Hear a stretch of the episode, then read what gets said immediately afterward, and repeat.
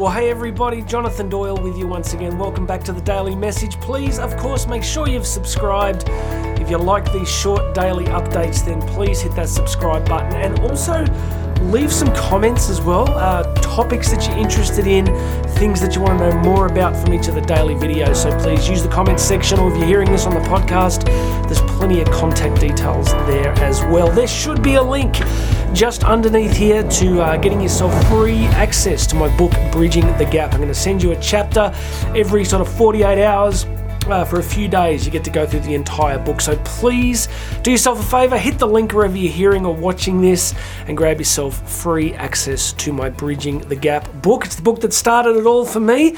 My, I think it was the first book I wrote, maybe it was the second, but uh, it'll be there in the bio and in the details here for you. So go grab yourself a copy. Today, I'm going to share with you an insight from the great Roman statesman Seneca the Elder born in 64 BC in Hispania, which was at that time a Roman province. It's what we would uh, today call modern day Spain.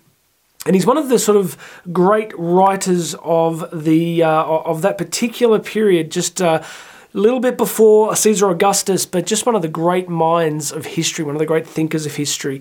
And uh, over these next few videos this week, I'm going to be focusing on some of these great historical figures. I've got a classical heart. Uh, I'm a, I just uh, love the sort of classical era, uh, teaching my kids at the moment all about sort of uh, classical world history, and it's just fascinating to see how these men and women we emerge from that kind of long time in human history of kind of tribalism and hand to mouth survival and we see these first civilizations begin to emerge coming out of places like uh, the you know the the land between the rivers Mesopotamia ancient Egypt you know, in world history, these civilizations are actually pretty young. I mean, ancient Egypt's really only about sort of four and a half, five thousand years old which I know sounds like a long time, but in terms of like world history and cosmic history, it's a pretty short space of time. But it's fascinating when you study these civilizations and you see that they begin to emerge, and you see that it's the first time that we have men and women with enough safety and free time to begin to think about the world around them. It's really quite an interesting moment in human history because before that, everything was really about literally about survival. It was about food, and it was about killing other people before they killed you. So it's only quite recent. I mean, you could look at classical Greece two and a half thousand years ago and sort of see that as the first time that we really began to, to sit and think about reality.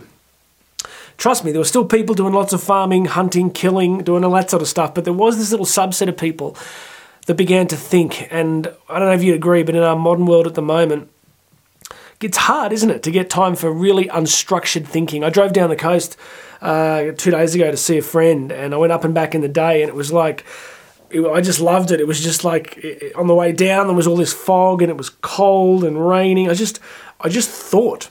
I just sat in the car on my own and thought my thoughts. So I just, I've always been like that. You know, one of the great things about traveling over the last few years has been being in a lot of the world's great cities and just walking and just walking and walking and walking. I remember being in London pre-COVID and just walking for days, like just I mean I had two or three day gaps between big events, and I just walk and think.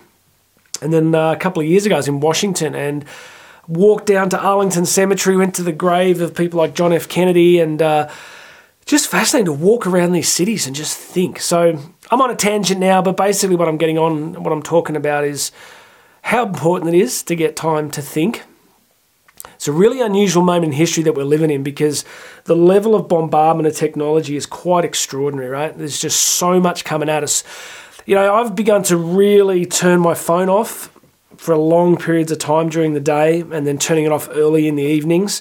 You know, I used to get up super early and like most of us, I'd, you know, I'd have my coffee machine ready to go and I'd be like, you know, scrolling through news and checking email while making my coffee at like 3.30, 4 a.m. I'd be there just like and I've begun to stop that and really get some discipline because I think one of the most important things we can do is, is begin to give ourselves time to actually think and to to ask ourselves some important questions about what matters to us. This is part of the path of personal development is to genuinely think, is to actually pause and reflect and go internal and think about what actually matters to me, what's important.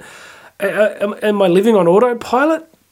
All right, there's just some random opening thoughts because we're going to now jump into this quote as promised from Seneca the Elder.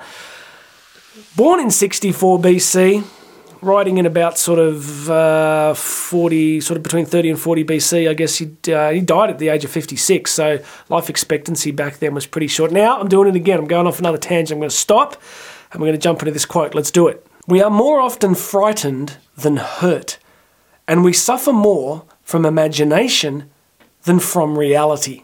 Ah, my precious regular listeners, you know how often I'm on this kind of tangent about perspective and how thoughts shape our experience of reality. So he's reminding us here of two key things. There's two clauses in this statement. Number one is that we are more often frightened than we are hurt. So often in life, in terms of things like physical pain, they're relatively rare. I mean, some of you know I had my major big accident about three years ago now and uh, almost died and destroyed both arms and had a bunch of surgery. But that came out of nowhere. It wasn't like for months beforehand I was worrying about something happening to me. When often when we experience, you know, physical pain, it's often out of nowhere. But being frightened, being anxious, being uh, concerned and worried about things is something that many of us have really cornered the market on.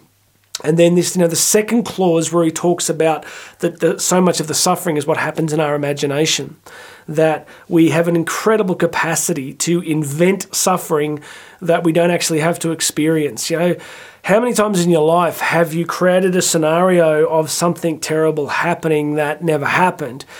Um, example being, you know, look at the, the global hysteria over COVID, which is essentially, as it always was, a you know like a, a, airborne respiratory virus that posed a genuine threat to the very elderly, the very frail, and morbidly obese, right? But we did manage to shut down an entire planet and destroy huge numbers of livelihoods, families, and careers in the process. We seem to be really good at manufacturing things to be morbidly afraid of. I used to say to my kids, I said, look, I'll tell you when I'm going to start worrying about COVID. I'm going to, when I see bodies in the streets, that's when I'm going to start worrying. When if I don't see the bodies in the streets, then I'm going to have a pretty healthy skepticism and do a lot of research about what's actually going on. All right, another tangent, but uh, you can tell when my heart is on some of this stuff that not only can we freak ourselves out individually, but we get really good at uh, freaking ourselves out as a culture. And one of the reasons is that is because we're highly attuned to fear. You've got to understand that. We are highly attuned as a species to fear. Fear had a, a really fantastic evolutionary advantage, didn't it? Because the people that were more anxious often lived a lot longer, right? People that were a bit more relaxed about the bear, the saber-toothed tiger, the other tribe. You know, people are going, what if that other tribe was attack us? It was the optimist that got killed, right? He's like, that tribe, they're great. They're not going to do anything to us. They seem so friendly. always chanting and yelling and having fires and stuff and, and all that human sacrifice. I mean, what could possibly go wrong? It's going to be fine. Meanwhile, the anxious person is like, you know what? I'm just going to move a little further over. So I often joke that uh, you, you don't want an optimistic airline pilot, right? You don't want an optimistic airline pilot. You don't want an airline pilot that's like, nah, it's going to be fine. This storm, pff, storm. Well, be fine. We'll land the plane. I'm just going to have a little rest. You want a kind of, you want a, you want a kind of skeptical, quasi semi anxious pilot. Not too anxious because then they can overcompensate. But you get my point. There are some things that we need a little bit of healthy concern over, right? But our modern culture serves up so many possibilities, like, you know, to, things to be anxious about. I, I do a huge amount of uh, stuff in the economics, global macro finance space, right? So I've got a real interest in global banking systems, um, um, macro finance, that sort of stuff. And you look at inflation at the moment. Inflation's a real thing. It's having real impacts on people. But it's also, I don't want to minimize it because I actually think it is something that has genuine effects. But, you know, people living in prehistoric tribal societies weren't really concerned about abstract concepts like inflation. But in our world, these things just get served up all the time, right? Like, you know, inflation, you know, it's probably running about nine, real inflation is probably running about 89% at the time of recording this. In my parents, I remember them talking about inflation being at 19, 20% when I was a young kid. So, so these things happen and they're real, but they can really start to grind us down and wear us, wear, sort of wear us down. So let's make it relevant for you. You've got to get really good at discerning between what is a reasonable, rational anxiety or something that you should have some concern about, as opposed to the vast number of things that other people would like us to be afraid about. Why? Because our because our fear is essentially a commodity, right? You, you can trade it in a sense that we trade fear for attention. So, if media organizations and governments serve up fear, it attracts attention, and attention can lead us to doing all sorts of behaviors, right? From uh, uh, from being obedient when we probably need to be more reflective about what's appropriate for us as individuals. It can be things like making us consume and buy things that we might otherwise have not consumed or bought. So I think we've got to get really good at filtering the fear messaging that's coming at us. And just as you go through your daily life, start to think a little bit more about hang on, is this thing I'm afraid of really likely to happen? Like, really likely to happen? Because I think so much of our suffering happens on the way to the dentist, right? So much of our suffering happens about things that we think might happen but never actually do happen. Okay, so that's it for today. Seneca's reminding us that real pain is pretty rare. We suffer much more in our imagination than in reality. I mean, really, it's a pretty amazing time to be alive, right? As I said a couple of weeks ago in an episode, if you know, if you're living in an era with flushing toilets, historically that's a pretty big win. I mean, yeah, we got interest rates and other stuff, and there's no, I'm not minimizing some of the real stuff that's going on in the world, but if you were going to be born at any time in history, it's not too bad. You know, I, I used to never think about things like medical care. I was like, yeah, shmeh, shmeh. I was always pretty fit. I don't think about it for me, but now that I got a family, you start to go, yeah, it's pretty awesome that we've got hospitals and we've got medical insurance. And so there's these really amazingly great things that make living at this moment pretty historically amazing. So those are things worth focusing on and celebrating and enjoying and valuing. But let's start to get much more attuned to the fears that aren't really fears. So, what are you afraid of in your life at the moment? Is it loneliness? You know, single people can be afraid of they never find the right person. Married people can be going, oh my gosh, I've got to spend the rest of my life with this person. So, you know, and we can construct all these different fears instead of actually working on ourselves working on improving our relationships, improving our health, improving our education, improving our contribution. So I would just suggest to you, my friends, spend a whole lot less time on worrying about abstract things that may or may not happen.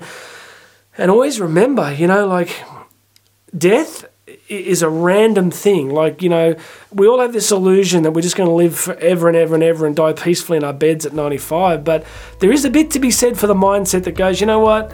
I'm just going to try and live today as fully as I can. I'm not going to worry too much about the future. I'm just going to try and enjoy today as fully as I can. So, friends, there's a lot in that today. It's a little bit longer than I'd normally go.